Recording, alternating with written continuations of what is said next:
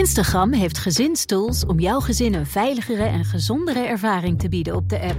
Wanneer tieners hun Instagram-profiel instellen, zorgt standaard privé-accounts ervoor dat wat ze posten privé blijft voor hen en hun volgers. Met een dagelijkse tijdslimiet help je jouw tiener om zich aan gezonde gewoontes te houden op de app. En door toezicht samen in te stellen, krijg je meer inzicht in wie ze volgen. Ontdek meer over deze en andere gezinstools op instagram.com/slash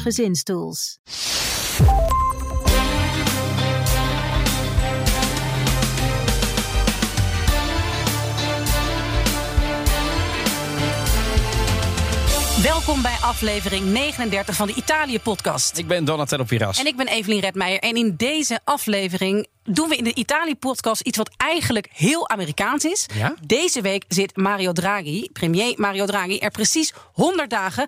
En wij gaan bekijken hoe hij het doet. Ik weet niet of hij heel erg eh, zich iets van ons gaat aantrekken. Maar Nou, je weet het nooit. Je weet het niet. Je Het weet niet. een invloedrijke podcast. Ja, en onze luisteraars groeien iedere week. En je weet niet of, of hij erbij zit of niet. Ehm, maar we moeten eerst eventjes bijkomen. Want wij zitten hier anders dan anders. Zitten wij in de ochtend en volledig in de maquillage. Helemaal in de maquillage, ja. Ja, we hebben er wel eens eh, anders bij Dus, gezeten. ja, ja, het is nu echt jammer dat het niet een televisieopname is, maar een podcast. Dat Ja, jullie misschien ons dat de niet webcam kunnen zien. meeloopt, hè, dat weet Ja, je nooit. Het is echt, nou ja, zoals jullie horen zijn we erg blij met onszelf. eh, hoe we er nu uitzien. Want wij zijn op de foto gegaan. Zeker. Voor de, de nieuwe foto van de Italië-podcast Ja. moeten we misschien ook de eerlijkheidshalve bekennen dat de foto die zeg maar nu op alle billboards en zo Ja, prijst, waarin ik een twee keer zo groot hoofd heb als jij. ja, dat kan ook kloppen, want wij hebben nooit bij elkaar gestaan. Nee, dus dat is gewoon bij elkaar ge, ge, geknipt, Geshopt, ja. eh, geflanst. Maar nu, Maar nu hebben we echt een foto. Ja, en het is. En we moesten lachen en dit. En toen. We hebben en jij nog, ziet er heel mooi uit. ja, dankjewel. Ja. Jij mag ook absoluut zijn. En, en ze waren helemaal onder de indruk van je jasje. En van ja, je had eigenlijk een Italiaans overhemd moeten aantrekken. Natuurlijk heb jij een Italiaans overhemd aan. Ik koop al sinds eh, volgens mij 2001 al mijn overhemd Sinds jij, jaar bij sinds Borgi. jij kan kruipen, Nou, loop dat jij is- een Italiaanse snit. Dat sowieso, want dat Ja. zorgt mijn moeder wel voor, ja. en ehm, geen chauvinist, maar... en eh, er is een discussie geweest over jouw borstha- borsthaar. Ja, da, da- ja wat, Dat wilden ze willen- eigenlijk helemaal opknopen en dat er niets van te zien zou zijn. Ja, of juist wel. Het was een soort discussie wel of geen borsthaar. En dat ging dan allemaal over mijn hoofd. Hè. Ik, ik. Je bent als, als, ja, je bent als een puppet. leidend voorwerp... Ben je gewoon niks anders dan gewoon mooi zitten... en je, en nee, je het- mond houden. Nou ja, het, het ongemak, eh, ik moet dat altijd nog een beetje kwijtraken. Dat gaan we helaas niet doen met een eh, glas wijn, want het, het is met, op dit tijdstip zou het belachelijk zijn. Maar, We hebben iets wat erop lijkt. heb we je goed hebben, geregeld even niet? ja, dankjewel. Ehm we hebben eh, alcoholvrije spriet. Ja, ik ben zo benieuwd. Ik ben ook Spritz benieuwd. is toch, hè, dat hebben we vaker gezegd, een van mijn favoriete aperitiefjes. Mm. Waarbij ik over Eerlijk zijn, eerlijk zijn. Ik vind het gewoon limo. Eh, limonata. Ja, we hebben 7 euro voor een flesje met limo zonder halve prik. Nou, wacht even. De, de, een beetje de, de afterdronk, daar zit nog wel. Misschien moeten we een beetje roeren. Maar dan merk ik nog wel een beetje van dat sprietsachtige. Maar nee, ik vind wel, Crodino spannender. Dat is het ook. Ja. Ja, Nou, krijgen we hem op? ja ik, ik, ik vind limonade prima. Maar Het is, ja, je hebt wel gelijk. ja, Dit zou, niet, dit zou dit de zouden we niet aanraden. Nee. Nee, dit raden wij niet aan. We Nee. drinken het gewoon wel verder. Goed, over tot de serieuzere zaken des levens. Wat is jouw nieuws, Donatello? Nou, ik heb nieuws over het Ferragnez eh, Imperium. En dan weet jij waar het over gaat, maar Ja. heel veel luisteraars misschien niet. Chiara Ferragni, Ja, hyperinfluencer enorm. wereldwijd. Ja, en haar man. Fedez. Ja, die, Die ook wel eerder ter sprake is gekomen in onze Italië-podcast. Ja, want er was een reddetje met de RAI en zo. eh, en dat ging, eh, nou ja, dat ging over censuur. Althans, dat vonden wij. Niet alle twitteraars waren het daarmee eens. Maar ja, hè, daar heb je Twitter voor. En ehm, nu ehm, heeft L'Espresso, eh, het eh, maandblad, is daar ingedoken. En die, ze- en die komen met een eh, ronkende kop. Geheimen van het Ferragnez Imperium van Fedez. Gouden zelfcensuur tot de vreemde stijgingen op de aandelenmarkt van bedrijven die Chiara Ferragni inhuren. Nou, en dat is echt best wel, hè, even voor de record. Ik vind ja, het sowieso wel pikant, want ik vraag me dat heel vaak af. Wie waarvoor betaalt? Want dat is natuurlijk Ja. wel een stuk duidelijker op het moment dat je weet: oké, nou nu is eh, er een voetbalfinale of er is een, een, een, talentenjachtfinale. Dan weet je, oké, deze bedrijven hebben echt dik betaald Precies. om hier te adverteren. Ja. En het is natuurlijk een stuk schimmiger als het gaat om dit soort influencers. En inmiddels zijn die influencers zijn gewoon ja, zo belangrijk in, de hele adver, eh, in het hele adverteren. Overigens, influencen wij ook graag. Dus sponsors zijn nog steeds welkom. Ja, ja. maar daar zijn we dus, daar gaan we, daar, daar zijn wel wat meer journalistieke regels van kracht Zeker, dan. zeker. Maar Dus je- terug naar. Dus je eh, kunt niet kopen, bijvoorbeeld in de Italië podcast, dat wij gaan zeggen Fiat is een goed merk. Dat kan niet. Nee, en ook dit drankje gaat, zou het niet. eh, Nee, dat ga ik ook. Nee, nee, dat het toch, toch lekker is. Nee, maar terug naar eh, inderdaad het uh, Ferragnez Imperium. Nou, dit zijn belangrijke influencers. Hè. Ik bedoel, we hebben het over FedEx, heb ik de vorige keer ook al gezegd, maar die heeft dus 12,6 miljoen. En Chiara Ferragni heeft er 23, bijna 24 miljoen. Dus zij heeft meer volgers dan de inwoners van Nederland. Dus zij, zij kan Dat vind ik een, echt een bizar. ja, dat is bizar. Dus, Ja. dat is, en dus heeft zij invloed. Nou, en de, eh, er is dus echt een. Kijk naar het artikel bij eh, Espresso, eh Evelien. Ja. Het is echt. Pa, het, is echt, het is echt een enorme longread. Dus het is echt een onderzoeksjournalistiek stuk. Ik ga dat niet helemaal lichten. Maar waar het op neerkomt, is dat er best wel wat kritiek geuit wordt over hun openheid. hè. Stond dus. Eh, wat kritisch tegenover de rij. En die zegt: Ik mag dus niet op het podium A en B zeggen. En zij zijn er nu achter gekomen van: ehm, ja, hij mag dan bijvoorbeeld ook. ehm, hij mag bijvoorbeeld over bepaalde ehm, multinationals, over bepaalde commerciële. Bedrijven. ja, hè, non, può criticare le banken. Hij mag niet kritisch zijn op banken. Heeft hij blijkbaar een contract voor ondertekend. Die contracten hebben ze er Nou, overigens ook hij bij valt nu hè. wel echt een beetje bij mij van zijn voetstuk. Want ik vond het dus best wel stoer hoe hij durfde te Ja. roepen en tegen, te ageren tegen de raai. Maar zij verdienen natuurlijk bakken met geld. Niet alleen door te rappen, maar ook door influencers. Er zijn Chiara Ferragni nog meer. En bij haar zijn ze er bijvoorbeeld achter gekomen dat er verdachte ehm aandelen schommelingen zijn van bedrijven. Eh, waar zij zeg maar eh, voor influenced. Hè, en en dan, dan koppelen ze dus een, een, een tweet of een Instagram eh, post van haar. En dan zie je daarna dat er iets gebeurt. Dat, dat, zij Maar handelt zij dan zelf in, in die aandelen? Want dat zou dan handelen met voorkennis zijn. Of in Ja, ieder geval. en dat maken ze dan, vind ik, niet zozeer hard. Het is meer een beetje een verdachtmaking. ehm, eh, dat ze zeggen van, god, er zijn allerlei contracten waar ze hè, van, van, van openheid die ze helemaal niet mogen. van openheid die er niet is, want ze zitten helemaal tot de nekken toe in allerlei contracten. Verdienen ze bakken met geld. Nou, dat mag voor mij, want dat is allemaal legaal. En eh, ze doen het goed. Ehm, maar het is, het, is, het is wel de moeite waard om dit te lezen. Eh, ik zal eh, het in de show notes als linkje doen. Wel in het Italiaans, dus misschien moet je door Google Translate halen. Mijn nieuws is eigenlijk meer een soort gedachte-experiment. Ik zag het op Twitter langskomen van, een, via een artikel van Il- Ilja Leonard Pfeiffer, schrijver die in eh, Genua woont. La Superbe. La Superba. En ehm, die vroeg zich af waarom er in Italië eigenlijk geen woord bestond voor burn-out. Oh, En nou, dat komt hier wel voor. ja, heel, heel, heel Den Haag is inmiddels burn-out. Dus dat was inderdaad ook eh, de discussie. En ik moest lachen, want het was een, eh, tweet van Stefanie Hogenberg, een eh, hele leuke eh, schrijfster. En die had het er ook over. Ja, een Italiaanse vriendin zei dat je in Italië niemand hoort over een burn-out. En dat klopt. En in Nederland en Engeland, waar ze werkte, alsmaar. Ze dacht ook te weten hoe dat komt. Jullie zijn niet open over wat je voelt. In Italië zegt iedereen gewoon hoe hij zich voelt. En meestal is dat En dat is waarschijnlijk de fonetische eh, beschrijving van het woord kut. Maar, eh, en zij zegt dus dat het opkroppen in Nederland, het mooi weer spelen. En het? Ja, goed hoor. Ja, helemaal prima. En Ja. eh, ook op je werk. En dat Italië gewoon lekker, de, de, ja, lekker drama doet. Dat dat dus het opkroppen tegengaat. Ik vind het interessant. En ik ben dus ook wel benieuwd naar luisteraars wa- waarvan zij, ja, Ja. wat zij ervan denken. Waarom burn-out in Italië Ik vind- ja, gewoon niet voorkomt. ik of zit- gewoon, ik, ik ken ook geen politici die burn-out Nee. zijn gegaan. Of, of, of ik ken wel mensen die zeg maar eh, zijn, esauriti. Hè, ja, die zijn heel moe. Ja, Ja, kapot, eh, of- afgepeigerd. Ja, of eh, barsten al dan niet privé hysterisch uit. Maar dat betekent niet dat je stopt met werken. nee, dat je, dat je maanden thuis zit. Nee. nee. Nee. Of ze werken minder hard. observatie. Het zou de moeite waard zijn inderdaad om te weten of dit er zijn. Ik ken wel heel veel mensen die thuis zeggen... Maar, Ciao Tia, come stai?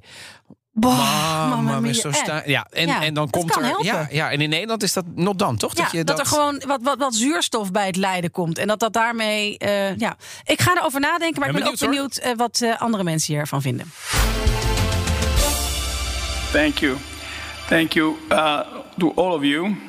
Uh, let me say just a few words before I give the floor to Ursula. Uh, dear colleagues, uh, ladies and gentlemen, dear Ursula, I'm very pleased with the results that we have achieved today. This uh, summit um has been a timely reminder of the power of multilateral cooperations. Cooperation. dit is dus eh, Mario Draghi met, met, Ontegenzeggelijk. met, met go- goed Engels. Ik denk sowieso. Vergeleken accent, met heel veel andere Zeker. En het accent is er dan misschien wat sterker dan. Maar ik denk dat zijn Engels eh, hartstikke goed is. Rutte heeft ook een Nederlands accent. Dat is ook zo, dat is ook zo. En ehm, ja, hoe doet Mario Draghi het in 100 dagen dat hij aan het roer van de regering staat? En het is natuurlijk inderdaad wat we al zeiden, Amerikaans, om dat als punt eh, ja, te nemen. Nou, dat doen we in Nederland inmiddels ook. Hè? Ja, Van dus- de eerste honderd dagen van de Rutte 3. Ja. Ja. Ehm, kijk, de verwachtingen waren en zijn natuurlijk hoog gespannen. Ik hoor ook wel van Italianen om mij heen die zeggen: ja, eh, ja, een hoger niveau dan Mario Draghi kun je niet krijgen. Het maakt me ook wel een beetje nerveus. Want als het Draghi niet lukt om bepaalde hervormingen door te voeren. met die zakgeld die er, ehm, die er is door de, door de coronacrisis. Ja, dan is het land echt ten dode opgeschreven. Maar hoe heb jij naar Mario Draghi gekeken? Ehm, nou, eh, ik denk dat je de, de spijker op zijn kop laat. Ik denk dat de ver- verwachtingen hoog gespannen zijn. Ook bij mij, omdat ik ook wel heel lang al Italië volg, de politieke situatie.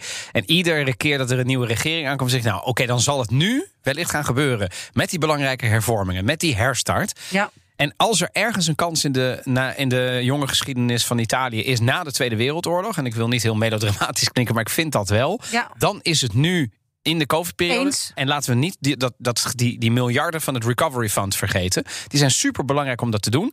En dan kijk ik naar Mario Draghi en denk ik, ja, er is eigenlijk niemand op dit moment in Italië beter gekwalificeerd met zijn ervaring als centrale bankier, met zijn ervaring in Italië ook bijvoorbeeld bij, eh, eh, bij, de- bij eh, de, de, centrale, centrale bank bank. daar. Dan Mario Draghi. En hij is ook nog een keer, en dat helpt denk ik enorm, wat ik heel erg merk. En dat zeggen diplomaten ook wel. Hè, eh, diplomatie gedijt natuurlijk ook wel heel vaak met.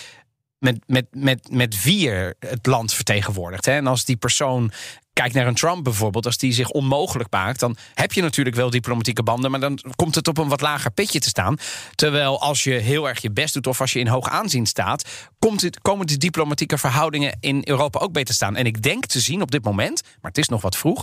En daar, daar hadden we net ook dat fragment van. Hè, de summit na summit doet hij. Ja. hij. Hij heeft wat meer aanzien. Zeker. De In Huffing- Europa heb ik de de Huffington Post heeft ook gezegd dat de nieuwe topspeler van het Europese continent Mario Draghi is. En dat hij dus eigenlijk op dat niveau de opvolger is van eh, Angela Merkel. Die dat natuurlijk jaren was en die in september terugtreedt.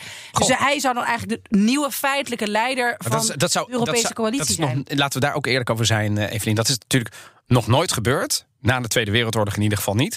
Dat een, eh, de leider van Europa, die is er natuurlijk formeel niet, want iedereen Mhm. is gelijk. Maar we weten allemaal dat Duitsland en Frankrijk. Frankrijk, ja, dat dat, dat en een beetje Groot-Brittannië, maar zeker Duitsland, Frankrijk is super belangrijk. Bijna altijd is de Duitse bondskanselier heel belangrijk, zo niet een speelfiguur. Italië is dat pas in vierde, vijfde of zesde instantie vaak. Ja. Ligt een beetje aan wie er zit. Als hij dat zou worden, is dat een unicum. is nog nooit eerder gebeurd. En ik weet het niet hoor. We hebben ook nog een Macron. Ja, maar ja, ik denk echt dat Mario sterk? Draghi een, eh, een, een, een, een maatje te groot is voor, eh, voor, voor, voor Macron. En ik denk eigenlijk ook dat het- wie, wie Merkel ook zal opvolgen, dat. Ja, nee, ik geloof dat wel. Ik, ik vind het fijn om te geloven. Ja, zeker. Dat de Draghi de, de, de topman in Europa ook geworden. Maar goed, wat heeft hij nu al ehm, ja, op nationaal niveau gedaan? De Italië-podcast laten we vooral kijken wat hij voor Italië betekent en heeft betekend. Als drie maanden natuurlijk, hè, 100 dagen, weinig eh, tijd. Zeker in Italië. Maar eh, hij wil de bureaucratie fors terugdringen. Hij wil de belastinginning verbeteren. Het Zeker. notoor trage re- gerechtssysteem stroomlijnen. En zo'n 200 miljard euro uit het EU-coronafonds besteden aan onder meer de digitalisering en vergroening van de economie. Nou, we hebben al eh, gezien dat er overal eh, snelle internetverbindingen worden aangelegd op plekken in Italië die dat tot dusver niet gehad hebben. Klopt. Ehm, ja. ehm, Dat groene is trouwens wel heel. De vergroening en digitalisering. Als je. Ehm, ik weet het nu niet even uit mijn hoofd, maar ik heb het allemaal wel gedocumenteerd. In ieder geval ook een keer in de vorige keer dat we het over Super Mario hebben gehad. Ja. Eh, als je gaat kijken naar de gelden die Italië toekomen, is grosso modo het meeste geld voor eh, vergroening en digitalisering. En dan denken mensen, hoezo digitalisering? Ik denk dat dat een van de meest fundamentele dingen is. Bijvoorbeeld om, voor, eh, om het zuiden aan te sluiten op het noorden, met name de jongeren. Als je ook keek in de COVID-crisis, dat meer dan een derde van de Italiaanse jongeren in het zuiden geen onderwijs kon volgen, omdat ze geen goede internet internetaansluiting en of verbinding hadden. Het was, het was er gewoon niet. En ik weet in Italië hoe moeilijk het soms is om gewoon een goede internetverbinding te krijgen. Dus al ben je een heel groot resort, om het daar aangesloten te krijgen als je ergens in een bergoord zit of in een heuvelachtig gebied, Ja. is dat heel lastig. En Mario Draghi wil eigenlijk daar een einde aan maken en zeggen: joh, het kan niet zo zijn dat een G8-land, zoals hij dan zegt, in 2021 niet gewoon overal een goede dekking heeft. En dat lijkt dus een minimaal, maar. maar maar bijvoorbeeld die vijf sterrenbeweging, toen zij aan de macht kwamen, was dat een van hun speerpunten. Ja. Dus het, het is al heel lang dat die digitalisering. Gaat natuurlijk veel verder dan alleen maar een internetaansluiting. Maar dat hele digital, dat, daar maakt hij wel serieus werk van. De vraag is natuurlijk, daar moet ik ook kritisch over zijn. Dat wil hij doen. Hij krijgt er geld voor. Hoe gaat het straks geïmplementeerd worden in Italië? Want daar gaat het vaak fout. Hè? Ja, het is, het is wel zo dat als je kijkt wat Italianen. Hoe, hoe, naar, hoe die naar Draghi kijken, die zeggen dan 51% dat hij het goed doet. Van Hoeveel? Een, 51%. Nou, dat en, vind en ik is dat hoog of laag? Weet, dat weet jij dan? Volgens mij is dat best wel hoog. Dat is best wel in hoog. Italië zijn ze namelijk nooit Ja, zo van niet zo voor. consensus van de regering, toch? En, en het is wel, kijk, het, eigenlijk heeft het ook wel weer iets tragisch dat er weer een technische eh, premier zit. Want dat is hij natuurlijk, hè? Ja. Die het weer moet gaan doen. Maar met alle hervormingen eh, die, er, ehm, nou, die er doorgevoerd moeten worden, is het misschien ook wel prettig dat het een man is met de statuur van Draghi, die niet afgerekend kan worden in verkiezingen. En dat vinden eigenlijk, denk ik, die politieke partijen die dit steunen ook wel fijn. Dat is denk ik wel waar.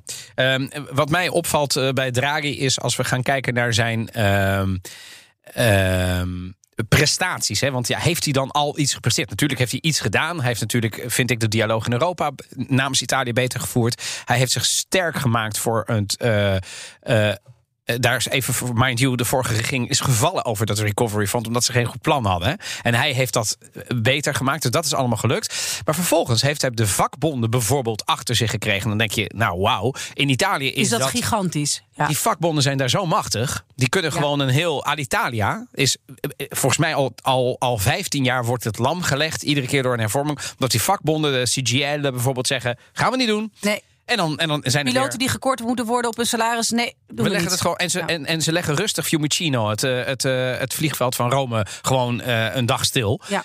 En in Nederland komen we er dan nog wel uit. Maar in Italië eh, staken ze gewoon. Maar goed, dus hij, wat hij heeft gedaan is bijvoorbeeld de vakbonden achter zich krijgen met dat hele recovery fund. Ehm, en hij heeft dus. ehm, ehm, eh, nee, nee, ja, de, de, eh, de Draghi-methode noemen ze in Italië nu. En het gaat nu te ver om dat helemaal te analyseren. Maar het komt er kortweg op twee dingen neer. De Draghi-methode gaat over zijn benadering van de politiek. Dus hoe leidt hij die staat? Niet als een bedrijf, zoals Berlusconi zei. Niet als een bureaucraat, maar gewoon als Nou, een, als een Berlusconi dienst... leidt het vooral als zijn eigen bedrijf en was erg bezig met zijn eigen Maar hij bedrijf. zei altijd van, hey, ik, ik ga dat bedrijfsmatig Ja. Ik ben een ondernemer, jullie kunnen mij vertrouwen. Achteraf bleek dat hij het inderdaad vooral Voor zijn eigen, persoonlijke ja. interesse deed. Maar Draghi doet het, die zit er dus wel tussenin. Eh, zijn tijdschema wordt geroemd. Hè, dus dat hij, dat, hij, dat hij het ook niet laat versloffen. En dat hij het gewoon in, in een tijdschema eh, giet, zeg maar. Ehm, en ehm, oh, dat, dat is ook een onderdeel van die, eh, van die Draghi-methodiek. Ehm, als je gaat kijken naar. De, de eh, analyse van het hoe. En daarmee bedoel ik, het gaat er dus niet zozeer om dat hij allerlei plannen heeft, want dat hebben alle premiers. Maar hij heeft een veel duidelijker hoe. Hij communiceert dat ook beter naar alle ambtenaren en naar de Italianen. En daar geeft hij in ieder geval op dit moment, nogmaals, we kunnen hem alleen maar afrekenen op dat recovery fund, eh, doet hij dat redelijk. Ja, want, want het is wel, kijk, iedereen dacht, kijk, ook alle profielen die verschenen over Mario Draghi toen hij dus eh, die positie, de, het premier werd. Ja, Tuurlijk, er is heel veel over hem te zeggen, cv-technisch. Ja, maar is het het is verleden, gewoon, ja, maar het is, het is een man zonder veel opsmuk of zonder een heel erg spannend privéleven. Eh, we weten alleen dat hij woest slim is, eh, heel eigenzinnig is. Hij hoort kritiek aan, maar luistert er niet altijd naar. En eh, is al eeuwen met dezelfde vrouw. Hij kan er soms een wat onhandige indruk maken met zijn eeuwige, soms die wat scheve grijns. Maar eh, houdt niet van lange vergadering, weten we ook van hem. Maar dat is bedoel, bedoel- wat we bedoelen met dat tijdschema. Ja. Hij wordt geroemd om het feit dat hij dus Ja. een tijdschema heeft voor alles wat hij doet. Ja, En zich er ook aan houdt. Ja, dat is, dat is heel on-Italiaans. Ja, Even als we dan niet in belangrijk. clichés mogen Nee, praten, maar mag- mogen we dat toch wel zeggen. Nachtenlange, Ja. dat, die is er allemaal niet bij. Dus hij houdt zich aan zijn eigen, aan de deadlines. En hij legt ook deadlines op en hij houdt zich eraan. Nou, dan zou je in Nederland zeggen, eh, oké, niks nieuws onder de zon. Maar in Italië is dat zeker in de overheid best uniek. In het begin moest hij niet zoveel hebben van persconferenties. Hij heeft ook Oh. als voorzitter van de Hoezo? Europese Centrale Bank niet weinig interviews gegeven. Ik denk dat het voor hem gewoon tijdverspilling is. En hij, heeft, hij. Hij is een man van de inhoud. hij is een man van de inhoud. als premier kan dat toch helemaal en hij- het niet? is ook helemaal niet dat hij nou toch ja, een beetje ja, opleeft door alle aandacht. Volgens mij heeft hij daar helemaal niet zoveel eh, mee op. En, eh, maar hier zien we hem toch wel eh, een paar weken geleden erg grappig bij een persconferentie. Waar op een gegeven moment een pauw in een, in een tuin Een daar zich ermee gaat bemoeien. di rimuoverlo o quantomeno spostare in avanti l'orario.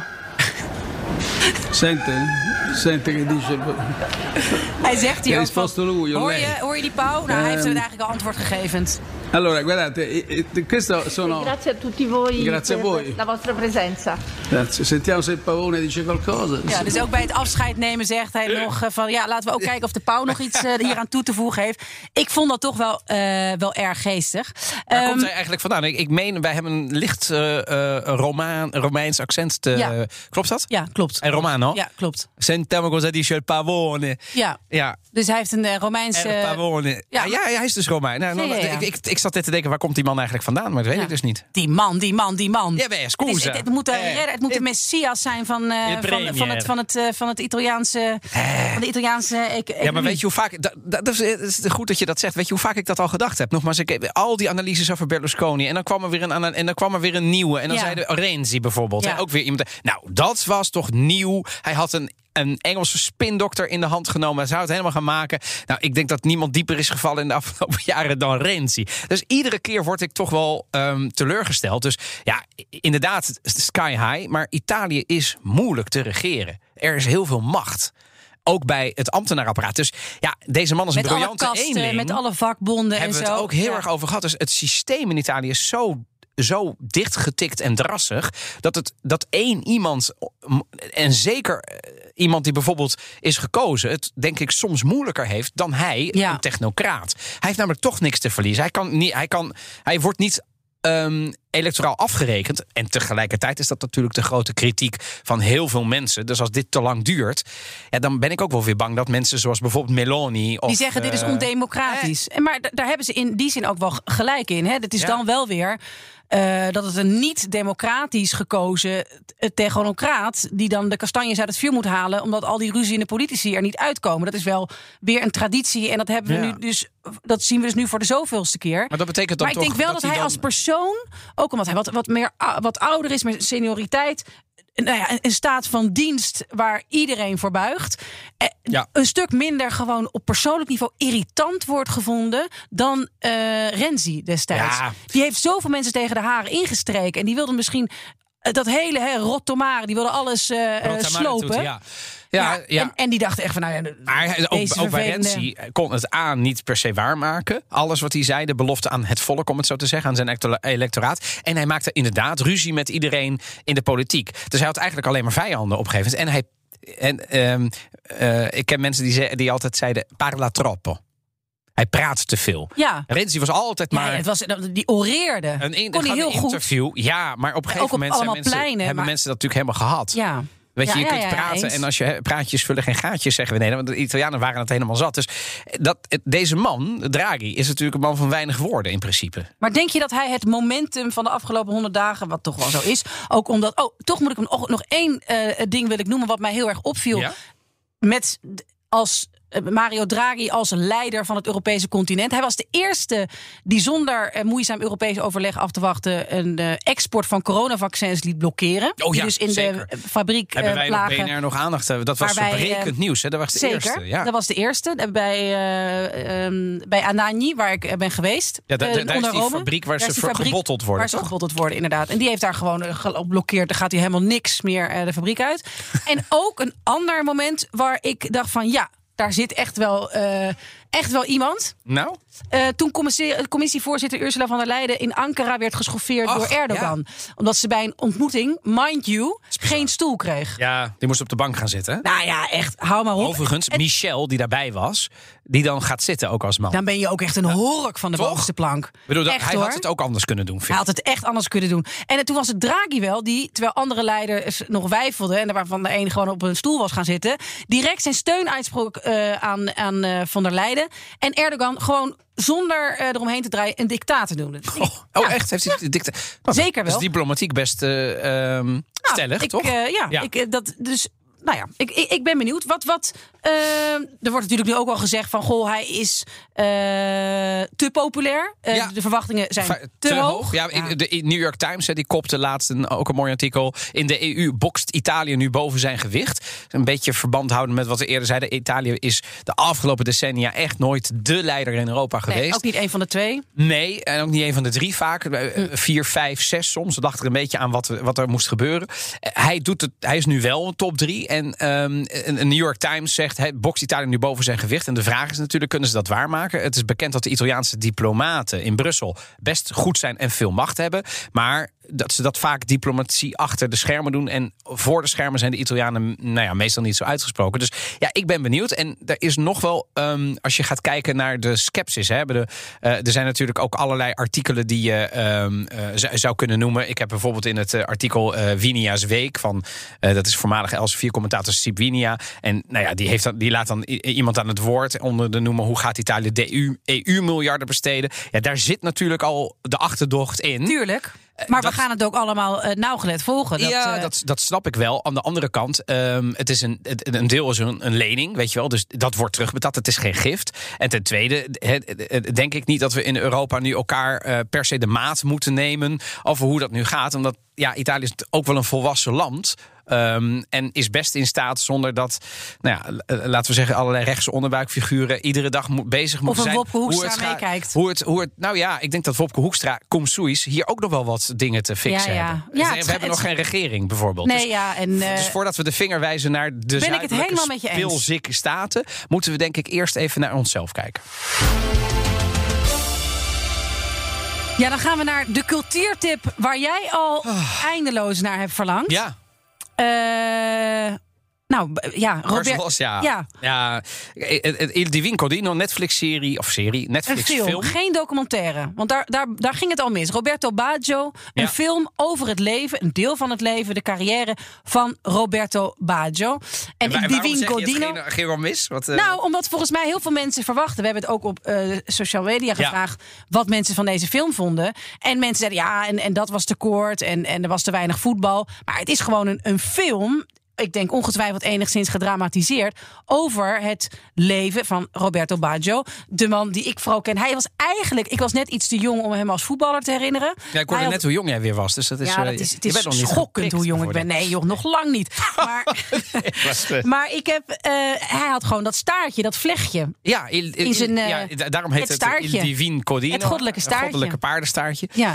Ja, kijk, ik, ik, Waarom ben jij zo fan van hem? Nou ja, omdat hij een van de meest eh, aanwezige beelden in i- iconen eigenlijk is in mijn hoofd eh, van, van, van, van toen ik opgroeide en naar voetbal keek. Hè. En ehm,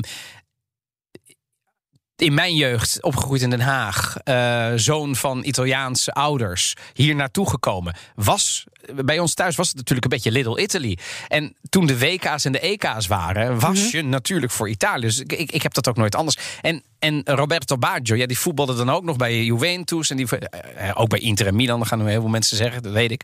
Eh, maar hij was natuurlijk, op de een of andere manier had hij de, de sympathie van de mensen. En hij werd door de trainers, en dat komt in deze film ook nog wel een beetje naar voren, altijd een beetje ondergewaardeerd. Had altijd een beetje een, een, een, een rare verhouding met die trainers. En kreeg nooit een positie die bijvoorbeeld een Messi en een Ronaldo nu zouden hebben. Als de Volledig- onbetwiste ja, ja. koning van. Terwijl als je naar zijn voetbalkwaliteiten kijkt, als je naar zijn doelpunten kijkt.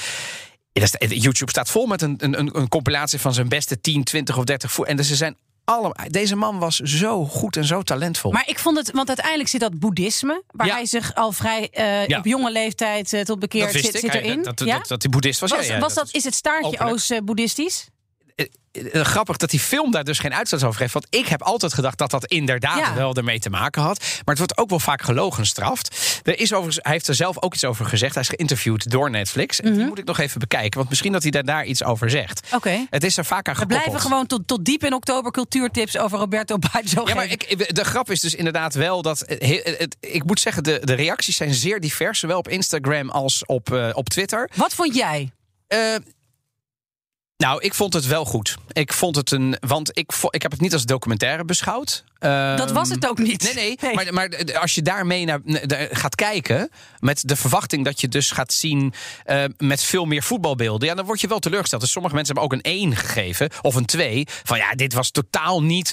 Eh, een hommage aan hem. Maar zo was het niet Nee. bedoeld. Het was een drama. Een drama. Ik vond het echt een prachtige film. Precies. En ik vond Het goed ontzettend goed gespeeld. Zijn vader speelt bijvoorbeeld. Hè, de Ja. acteur die zijn vader speelt, speelt goed. Wat ik fantastisch vond, eh, Lacento Vicentino. Ja, dat is daar hou jij natuurlijk. natuurlijk heel erg oh, van, mamma mia. Ja, maar ik moest Nee, dus heel. ja, ja, ja.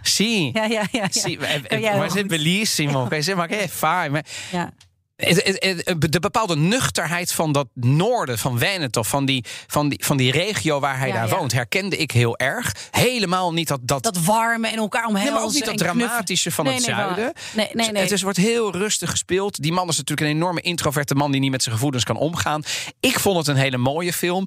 En ik, moest, ik, ik barstte ook nog in huilen uit, moet ik Ach, zeggen, aan het eind. Ja, dat was echt. Eh, eh, en bij die penalty. Eh, Ja, ja. Die, pe- die penalty is namelijk ook nog een onderdeel van mijn jeugd. Italië verloor de finale in 94 in Amerika na penalties van Brazilië. Het was en, een met, trauma. en door Baggio, die hem echt op een soort... En het was het tweede trauma in vier jaar. Want in 90 was het WK in Italië. En was het, is het ook verkeerd gegaan. En dan ging Italië eruit. Dat heb ik de hele nacht gehad. Dus ik, ik Oh, herinnerde me. Ja, dat, nu lijkt het alsof ik alleen maar aan het huilen ben. Maar dit was in 1990 Hier is, de, hier is de box met tissues, hè? Die zijn er Eh, gewoon... grazie. Nee, maar dus ik vond het wel degelijk een, een film die de moeite waard is. Zeker. Alleen je moet, je moet er niet naartoe gaan van. En nu ga ik een, eh, een, een docu zien van. denk, eh, eerlijk Robbie. gezegd- Maar jij hebt hem ook gezien. Ja, eh, ik denk, en niet dat ik hou heel erg van voetbal en ook van sportdocumentaires, dat er een veel breder publiek voor deze film is. En dat ik dus ook voor, eh, ik zeg niet alleen maar vrouwelijke luisteraars, maar ook voor luisteraars die denken, ja, voor niet voetballiefhebbers. Dat is weer de andere kant van hè, mensen die een 1 geven, want te weinig voetbal. Ik denk dat mensen die niet per se een bizarre interesse hebben in het voetbal van Baggio, echt een hele mooie film hier, eh, hierin kunnen kijken. Want ik vind, ja, die, die beelden zijn leuk. Ik vind ook grappig, al die jaren negentig eh, grote trainingspakken. Diadora, dames en heren. Ja. Daar wil ik nog een lans voor breken. Diadora heeft de lijn uitgebracht van Roberto Baggio... met het uitkomen van de schoenen, de, het trainingspak. Het trainingspak wat we daar zien Word is jij nu je eentje gesponsord? Ik heb er niks maar van ik, gehoord. Nee, maar ik vind, het, ik vind het gewoon zo mooi dat ik. eh, die- die, eh, een zijn van de echt mooi. luisteraars is ook een Ja. sneakerverzamelaar. En die, ik vind die het wel mooi. Ja.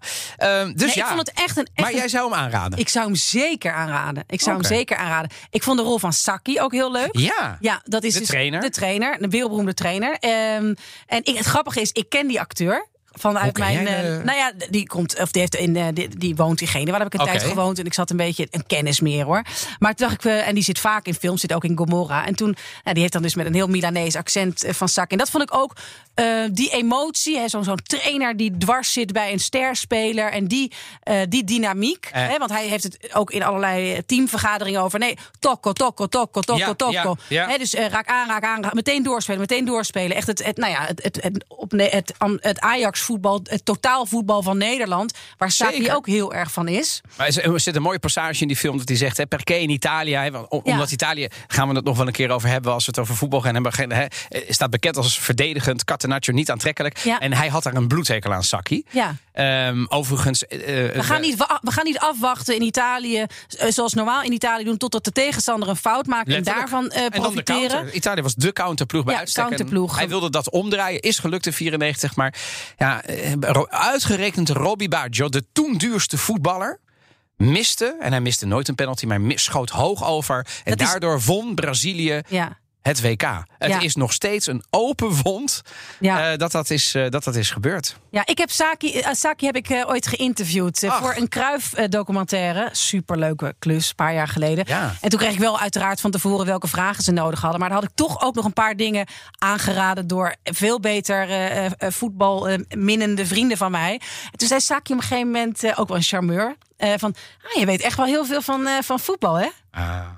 Momentje, Die heb, je, momentje, die, heb je wel, momentje. die heb je wel onthouden. Zeker, In- zeker, zeker. zeker. in de pocket. Heb ik zeker in de, in de pocket gestoken. In de pocket. En het, het- toch dacht ik van grappig door, want ik weet dus inderdaad hoe Saki naar voetbal kijkt. Hè, gewoon dat het een, en waarom hij zoveel zo'n Oh, ja. fan is van het Nederlandse voetbal. Hij had de drie Nederlanders Exact, natuurlijk. die hè, drie de- Nederlanders had hij bij AC in, eh, Milan. 90. Maar dat, dat tikken, dat totaalvoetbal en zo. Ja. Maar ja, dat past misschien minder bij zo'n sterspeler die wil dribbelen, die, wil, die kunsten wil uithalen als, als Baggio. En ik vond die eh, dynamiek en die, die, die confrontatie tussen die twee super irritant. Voor de rest, er is ook echt wel wat af te dingen op de film. Maar ik vond het goed geacteerd. Ik vond het verhaal af en toe een beetje haperen. Dat, dat, dat Ja. moet ik wel zeggen. Ja, er zetten af en toe onverklaarbare sprongen in. Sprongen ik ik oh, mis echt een heel Ja. substantieel gedeelte nu van zijn leven. Maar ik snap het wel, ze hebben gewoon een keuze gemaakt. Ze hebben 94 uitvergroot. En ze hebben uitvergroot eh, zijn blessures, zijn boeddhisme. En het feit dat hij eigenlijk altijd best wel veel teleurstellingen heeft moeten hebben. En dat vond ik het enige jammer. Hij heeft echt wel heel veel hoogtepunten gemaakt. En het, eh, hij werd een beetje als een soort slemiel afgetekend. Ja, dat zo- is hij ja, niet hoor. Ja, een soort, soort sippen, boeddhist. No, no, no, eh, nee, Helemaal niet. Nee. Maar dan kunnen we eigenlijk nu wel ook eh, onthullen wat we in de volgende aflevering gaan doen. Zeker, want op eh, 11 juni in Rome begint Italië tegen Turkije het EK voetbal. Ja. Ik moet, ik moet er nog wel een beetje inkomen dat dat Misschien nou moet je weer er naartoe.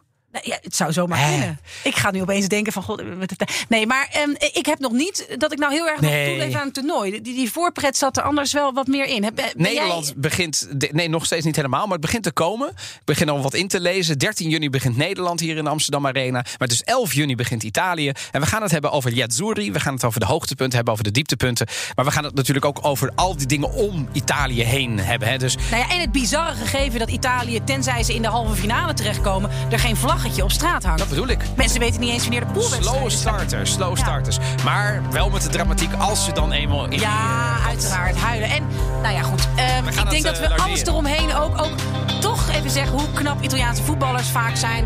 Hoe mooi die shirts vaak zijn. Denk ik ook alle. Alles wordt behandeld in de Italië-podcast volgende week. In de tussentijd, alsjeblieft, geef ons sterren op eh, de verschillende podcast-apps. Geef, ehm, laat je vrienden weten dat we er zijn, want wij kunnen nog genoeg luisteraars gebruiken. En sponsoren weten ons ook vast wat te vinden. Tot de volgende keer. Ciao, ciao. Ciao.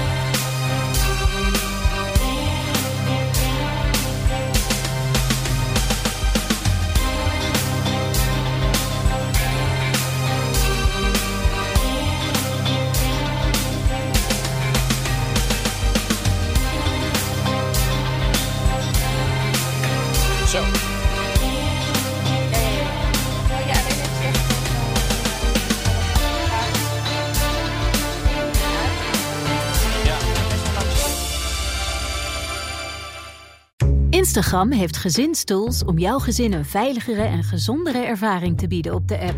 Wanneer tieners een Instagram-profiel instellen, zorgt Standaard Privé-accounts ervoor dat wat ze posten privé blijft voor hen en hun volgers. Met een dagelijkse tijdslimiet help je jouw tiener om zich aan gezonde gewoontes te houden op de app. En door toezicht samen in te stellen, krijg je meer inzicht in wie ze volgen. Ontdek meer over deze en andere gezinstools op instagram.com/gezinstools.